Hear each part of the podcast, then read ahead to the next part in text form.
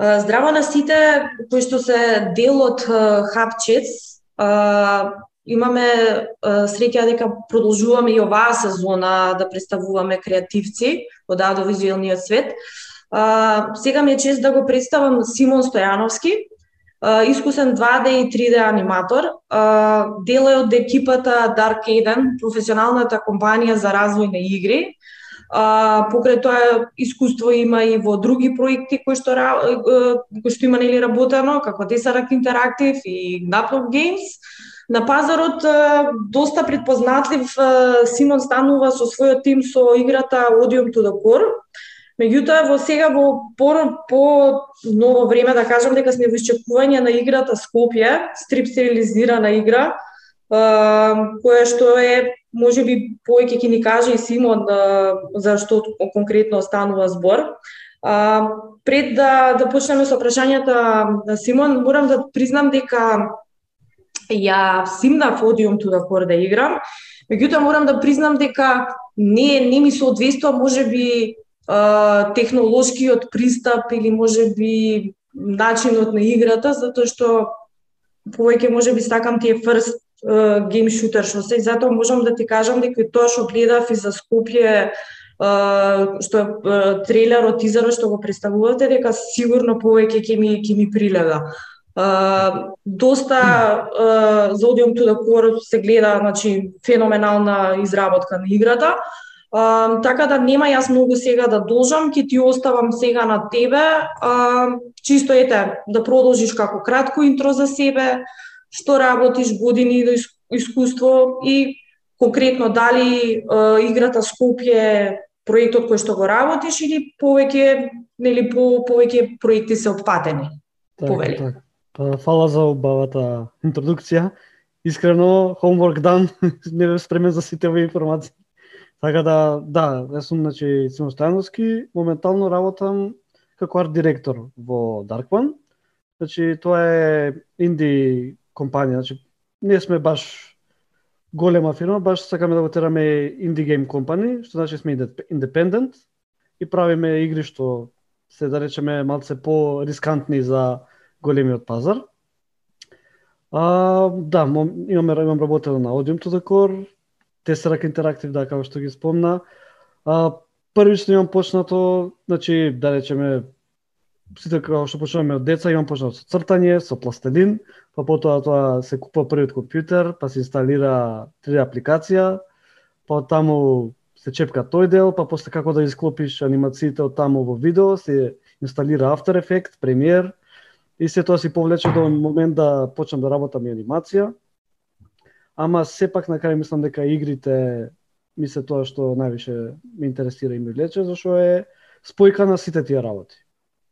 Така. Така да моментално работам строго на игри и нормално повремено се наоѓа по некој проект на страна што е дали чисто анимација, дали чисто графички дизајн, ама игрите таму каде што би сакал да продолжам. А, значи 20 години може да се каже имам искуство со уметноста дигитална, но 15 професионално. Значи 15 години веќе работам во сите сфери во дигиталното уметност, нели, од анимација, 3D моделирање, никад не бев насочен. Дури и сега буквално работам се и се што, значи од анимација до 3D моделирање, ригување, композитинг, трейлер ако треба да се направи, ја го правам, музика ако треба да се спои нешто исто ќе чепнам. Не, значи не не избегавам такви работи, така да многу ми е чудно кога морам да се пласирам некаде, зашто не знам ја некад што точно работам во моментот. Така. Меѓутоа како а... како аниматор диапазонот е нели обширен, како што рече. Дури тоа, да, како не да. можам да кажам дека работам 2D анимација, туку што чепкам и 3D анимација, дујам чепкам и традиционална анимација, така да се се што ми, ми треба притребало во моментот сум пробал да го научам. Симон, твоите почетоци се со 2D анимација. Најпредпознатливо е Петко, кој што е 5 плюс фамилија, кој што доста деца го имаат гледано. Чисто ако може да ни дадеш компарација измеѓу 2D анимација и 3D анимација. И колку што знаем, сега вака нели од нели од гледањето и играњето, еве, типичен пример го имаме Odium to Decore 2D анимација, што значи изработка на, на таков тип на, на игра и е, за Скопје кој што е 3D. Така, па еве пример баш за 5 5 плюс, значи е 2D анимација, ама е специфична 2D анимација. Мислам дека се вика cutout 2D анимација таа што работи по 5 плюс, затоа што не е традиционална као кај што се црта фрейм по фрейм, туку се зема готов насртан карактер и се прави една смисла и сечоци од него кои се придвижуваат после. И нормално со дисторзи, со менување на слики, такви работи.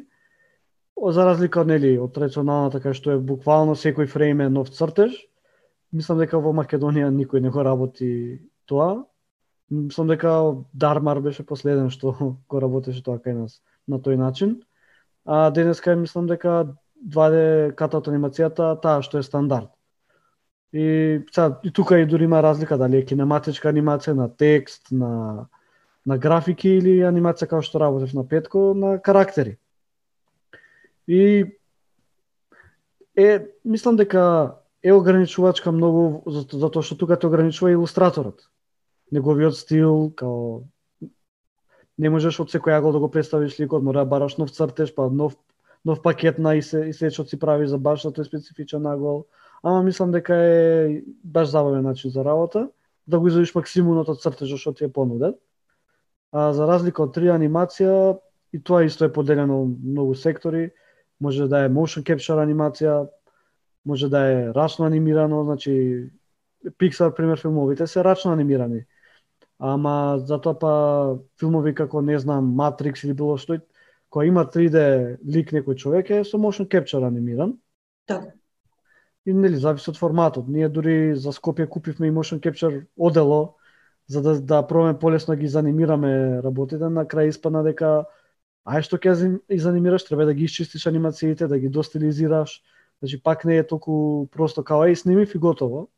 Да. Така да и двете страни си имаат челенџес, онака предизвици, ама мислам дека 3D-то ти дава повеќе слобода, ама од друга страна ништо не се спореда со традиционалната анимација. прашањето што ми е следно е а, дали а, си имал некој рол модел, баш онака да да речеш, е, кога си го видел, те мотивирало и си рекол дека ова како професија или понатаму би го работел? Значи, као баш рол модел, како човек некој или било што херој, не сум немал. Мислам дека едноставно беа медиумите општо ми беа инспирирани. Значи, Jurassic Park прв пат кога го видов нели 3D диносаурусите бев као ова е прејако, значи сакам тоа да го работам или Half-Life кој искочи бев као еј сакам нешто да се изразам на овој начин, да направам игра. И мислам баш тоа тоа беа, мислам дека беа продуктите повеќе од колку луѓето позади нив. И знаев дека за тоа ми треба компјутер. Да. За да го работам и тоа ме насочи повеќе. Не беше као сакам да бидам како некој, него сакам да работам многу. Така, така. А, сега конкретно, еве да тргнеме, например, околу тимската работа. Бидејќи рековте дека сте инди компанија, неколку луѓе сте, што значи ете еден процес на неколку луѓе во создавање на игра.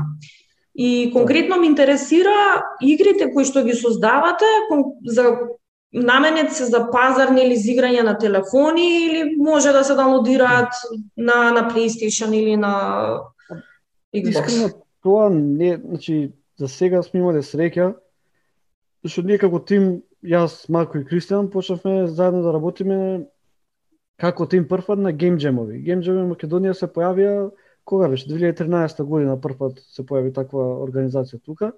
Ние не се знаевме, се собравме некако не споја заеднички пријатели, од тогаш кликнавме и првпат кога почнавме да правиме игри, мислевме само и што ќе ни биде нас интересно за играње. И првиот прототип за Odium to the Core се деси, деши тогаш, 2013 година на првиот Game Jam. И тогаш зедовме прва награда за тој прототип и не мислевме дали ќе се игра на мобилен, дали ќе прави пари, беше едноставно и ова е супер, забавно е. Знаеш, да си го работиме како хоби паралелно. И мислам дека се собиравме, можеш пет години поред кај некого дома после работа, значи никад не се посветивме целосно. За тек после долго време јас конечно најдам работа у таа индустрија, значи Тесеракт, македонската фирма, значи таму првпат модел за во игра направи што искот што ќе излезе, после напнок, фала Богу, се деси исто, значи ма тоа се беа контакти што водеа тренинг контакт код друг, код друг. И дури кој работевме одим тоа кор, не мислевме тоа, ај, ај се мора да е специјална игра затоа што е за мобилен, значи е тоа фактор, ама нас не ни беше фактор тоа. Сака, едноставно сакаме игра со едно копче што функционира да направиме. Не ни интересираше дали ќе биде на мобилен, на конзола или било што. Не ни, зашто сме инди компанија, не ни е тоа фактор во одлучувањето. А сега кога имаш паблишер, кога имаш фирма на тебе, ти вика, слушај, ова е активниот пазар, тука фокусирај се. Така. Таа та слобода ја имаме и никаде сме ги правили одлуките врз основа на конзола, него повеќе на идејата што имаме во моментот. Па после лимитациите од конзолата ќе дојдат и ќе се адаптираш на нив. А за значи за тимска работа, значи Да, чисто ете како на пример во кратки црти процесот да ни го објасни да ми го да ни го објасните со тимот како што значи од почеток до крај или од да. идеја да. до продукт. Значи баш затоа го спомнав геймџемер, што ние почнавме со таа геймџемерска култура кај што само даваш креативни идеи, не мислиш за последиците. значи сакаш да направиш играта за два дена и толку таа филозофија ми се пре, префрли во поголемиви игри. Значи, нормално дека прво ќе седнеме, ќе дискутираме, и дечки имам ваква идеја, па е пример Скопје буквално беше и дечки да направиме игра кај што возиш автобус низ бруталистички град. И другаров Марко вика, бе, Скопје е бруталистички град. Аха, е па ајде тоа, ајде, па едниот игра survival игри, сакам да има survival механики, едниот игра roguelike игри, сакам да има такви механики. И се тоа се склопува, се надоградува, не е као, еј, слушај, јас сум одговорен за идејата, вие другите ќе слушате. Секој си додава своје парче и после правиме игра што сите да сите ни се свија. Нормално, не сите елементи, ама целината е прилична за сите, да не ни издосади додека работиме на играта. И тоа е процесот, надавање идеи, дискутирање, несогласување, карање, многу карање, ама нормално се е тоа на со почит. Као, да. не нормално тоа е тоа дел, дел од креативниот процес да. предпоставувам, да. да. А, Симон, што е твојата функција во тимот? Ти рече дека си а, директор Скупен, баш сега арт дирекција работам, ама пак тука, значи не е дека стоам и само кажам како треба да изгледа играта, него и моделирам и анимирам и зашто нели мал тим сме. Почнавме тројца, сега сме 8 души И сега дури конечно имам човек на кој што може да давам дирекции. Преходно сам на себе си давам дирекции како треба да изгледа играта и било што се конечно имаме помал тим на кој што можам да се ослонам и да им дадам настока специфична. Така да арт дирекцијата како поиме буквално на визуелната насока на играта се постави. И тоа офаќа и нели и визуелни делови и технички делови, зашто ако сум замислил еве специфично да за Скопје играта да изгледа како стрип, Тоа значи дека ќе треба да се искуцаат визуелни насоки програм, програмерски, значи за тоа како ќе реагира осветлувањето, сенките, боите. Значи не можеме само да кажам сака да изгледа, сакам да изгледа вака, морам и технички делумно да знам дали е тоа возможно да се изгледа. Так. И тука дискутирам со програмерот и слично. Um, од аспект нели на процесот, од прилика колку време е потребно да се реализира проектот како игра од нели од самата идеја до реализација. Почеток до крај? Така, да. Па... Дали станува збор за месеци, години, пошто да рековте одиум туда да после работно време да речеме сега така. веќе сте нели формирани како екипа, не баре целодневно сте посветени на тоа, што би значило прилип така некоја временска рамка дали дали имате? Да, нормално зависи од играта, ама еве сега одим ту декор, иако мислевме дека ќе биде готова за година дена фул тайм работа, испадна за две години. Затоа што играта е органска материја во една смисла. Расте цело време, новите идеи никад не прекинуваат да доаѓаат како тебе ти текне нешто што ќе подобри играта во во половина од девелопмент, би било погрешно да не го имплементираш тоа. И тоа може ќе додаде поише време, ама и ќе додаде многу вкус во играта, така. И сега одим ако требаше да речеме две години со такво тројца луѓе, Скопје ни требаат не претерам 4 години со 5-6 души. Зашто Скопје е отворен open world игра, нели, со цел град, со 50 типови на различни непријатели, со едноставно друг тип на продукција. А Одиум беше оптимизирано во една смисла, за може тројца луѓе да ја направат. Значи, тоа колку време треба се зависи од играта, нели? Така. Колку е голема играта. И... Тоа е тоа, прилика. Нема универзално, универзално... Нема никој универзално правило, да. А, добро. Вака, ме интересира дали од проектите што ги имаш работено, имаш нешто работено на страна, на, нели да речеме во светски рамки, чисто како некаква комперација што значи странскиот пазар, а што значи македонскиот пазар. Така, па искрено што знам, значи имам работено со македонски продукции, немам многу работено со странски продукции, као баш да бидам вмешан во продукцијата директива, него секад сум бил нели од страна фриленсер, така да не би знал организацијски како функционира таму работите, ама баш имав сега прошла година со, со германска фирма почнав да работам и викаат, окей, треба да се направат видеа, вака така, добро викам, за кога се видеата? За во јуни.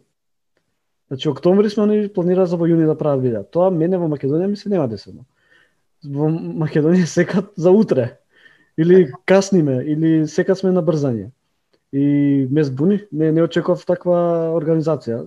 Ама тоа е нели, сериозна фирма, огромна фирма, не значи дека помалите студија таму и продукции не се хаотични како, како кај нас, ама тоа го приметив како што можам да го извадам како Па позитивно дека да, баш она да. организацијски структура, временски рамки се почитуваат.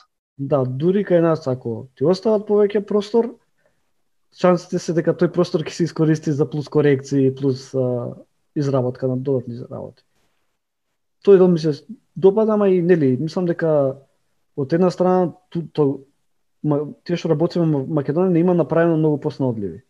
Значи на работа во Македонија.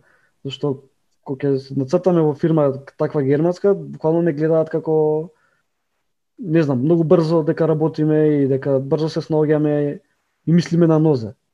Така, така. Што ја немаме таа опуштеност тоа ништо има. Така да, така. мислам, си го земам тоа тука како поклон. Таа неорганизираност што имаме. Како предност, во една смисла. Супер. А, некој осврт да ни дадеш на проектите од аспект на предизвици што сте се соочувале ве конкретно ме може да збориме за Одиум да кори сега конкретно нели Скопје кој што искрено на вистина го, го очекувам проектов пошто вака што гледам стварно рака си реков ова изгледа многу светски и дефинитивно би го играла. А, фа, тоа и сакаме да го постигнеме да да не се задоволиме со први во Македонија, него на светско ниво да бидеме компаративни, не само тука. Супер. А, за предизвици, значи, е баш специфично за овие предизвици се во глобала технички проблеми што ги имаме, не се повеќе идејни или креативни. Значи, за креативниот дел можам да кажам дека као тим сме биле секат добри. За техничкиот дел сме знаеле малце да ги подцениме работи. Пример, подценивме колку е тешко да се направи игра базирана на музика. Затоа што за тестирање таква игра, ако ти сакаш да видиш дали одреден сегмент од нивото работи, мораш да изиграш цела песна. И автоматски тестирањето на тоа ниво ќе ви оземе 2 сати, наместо 15 секунди за секторот што ви треба. И исто голем проблем ни беше балансирање на тешкотија, тешкотијата, колку е тешка играта, колку е колку време колку време треба да, да се изигра, кои сектори треба да се тешки, кои да се десни, колку брзо да станува тешка играта. И свативме дека ја направивме претешка. Ама решивме, окей, ќе се ќе се задржиме за тоа дека правиме тешка игра. Тоа е тоа балансирање меѓу колку треба да се придржуваш кон своето и колку да го гледаш, да го слушаш импутот од играчите. Зашо некогаш може да сакаш помала публика од ултра посветени, а некогаш сакаш поголема публика на е добра игра, оке, ама не е ништо посебно. Така. Зашто ми буквално имаме да речеме 10 фанови што одим до корија играат религиозно. Као религиозно и многу се гордееме со тоа, иако се само 10 души. Супер. За Скопје пример предизвикот е и беше и уште е да се направи целиот град и како тој град да биде интересен, зашто ако биде само возење на празен град, па колку сака нека е голем, ќе биде досадно. И уште сме у таа фаза кај што балансираме, колку да е голем, колку да е густ со активности и слично.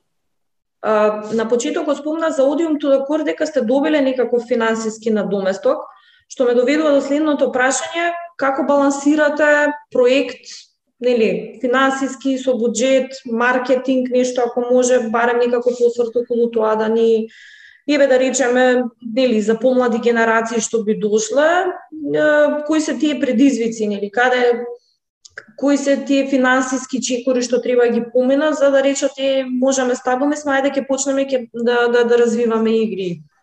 Така, значи зашто беше одавна може не сум 100% сигурен, а за Odium to the Core Значи ние работевме година дема од дома, значи кај мене во стан си работевме, не бевме а, фирма, не, не немавме отворена фирма и дознавме дека има опција кога отвораш нов бизнес во Македонија, државата ти покрие мислам дека беше 5000 евра. Да, ако отвораш нова фирма, и затоа што бевме тројца, двајцата се као автоматски таму ни помогна да купиме компјутери, да да ја отвориме фирмата едноставно. Значи, тоа беше финансиската помош со Одиум to Кор ама затоа на Скопје Фонд за иновации ни помогна премногу. Значи, се пријавивме на повикот со Фонд за иновации и буквално не финансира 85% од проектот, за да стигнеме до фаза на некоја си бета демо верзија, верзија. која што после ја понудивме на паблишери, тоест они нас не најдоа, што беше многу интересно за после ние да земеме од паблишерите нека финансиска помош за да завршиме цела игра. Значи ја цело време значи на млади луѓе кои се бунаат и најтешко да се успе вака така и значи фонд за иновација е тука и сите мислам дека се неинформирани, што е многу жално за таков убав проект. Значи не сакам да звучам као дека рекламирам ја сега, ама од лично искуство биле многу фер спрема нас и ни помогна доста. Предпоставам дека тука во игра спаѓаат и овие хабови акселератори што се за IT, за развој, дека Не исто... сакам да звучам лошо, но немам многу добро искуство со нив. Добро. Fair enough. Fair enough. Мислам дека идејата им е добра, но скиловите што ги учат се можда за помлади луѓе. Не за Така. луѓе што веќе влегле во индустријата и онака отвориле фирма и се борат. Така, така. А, чисто вака, пошто скоро доаѓаме при крај, а, осврт на некој умилен твој проект што си го работел и зошто баш твој проект ти е, нели, онака баш при срце. Па, значи, проекти са Одиум и Скопје се едини проекти што ги сум ги правил за себе во една смисла. Така да еден од нив морам да извам. Сите други проекти биле нели. Е, имам работено на преспав на јавните шпици, имам наработено на 5 Петко 5 плюс анимациите. Сега ми било забавно на тие проекти работа, но сепак не биле, биле за друг, не биле за моје лично задоволство.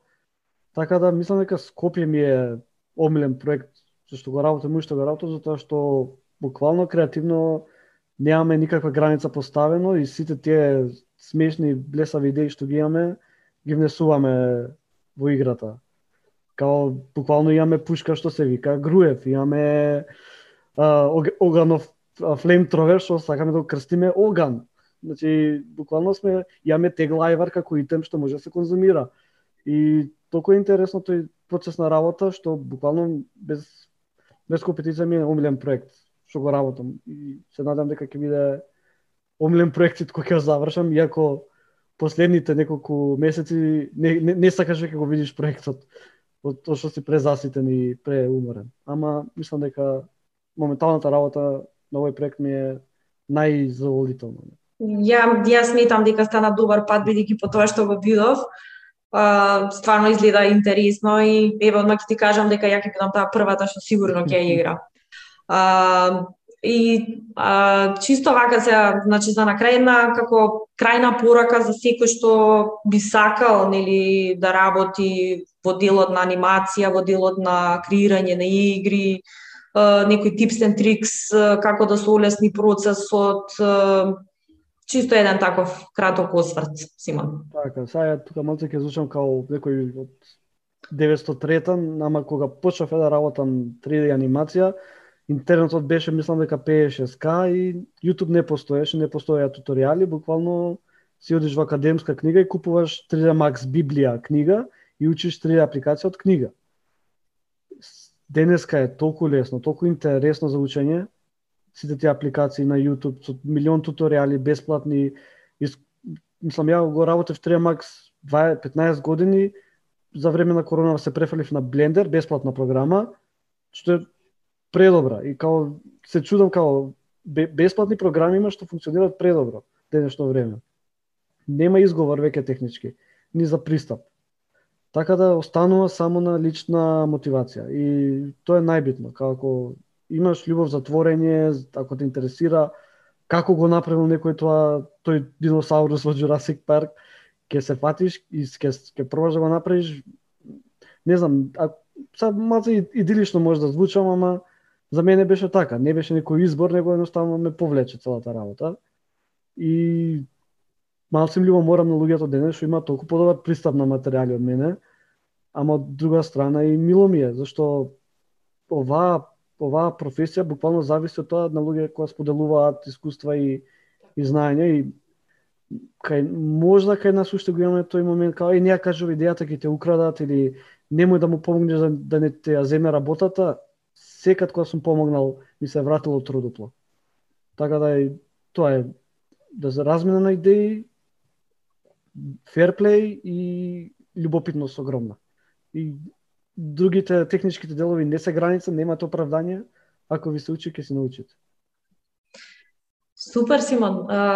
ти благодарам многу. Ја единствено од мене и од тимот на Камера Обскура и IPM Entertainment ти посакуваме многу успеси понатаму со сите проекти што сте се ги замислиле и заедно со тимот ќе ги креирате. А, останува здравје некогаш пак да се видиме, да се дополниме со, со идеите до кај сме што сме, чисто затоа што а, дефинитивно оваквиот тип да речеме од креативни индустрии секако мислам дека уште во поголем по, подем ќе биде. Ке се чуеме после кога ќе искочи Скопје, дали уште ќе бидам во индустријата? сигурно ќе бидете, сигурно ќе бидете. Uh, тоа е тоа, благодарам и до сите што го гледаат хапчет си го слушаат и следете понатаму со следните гости. Чао, чао.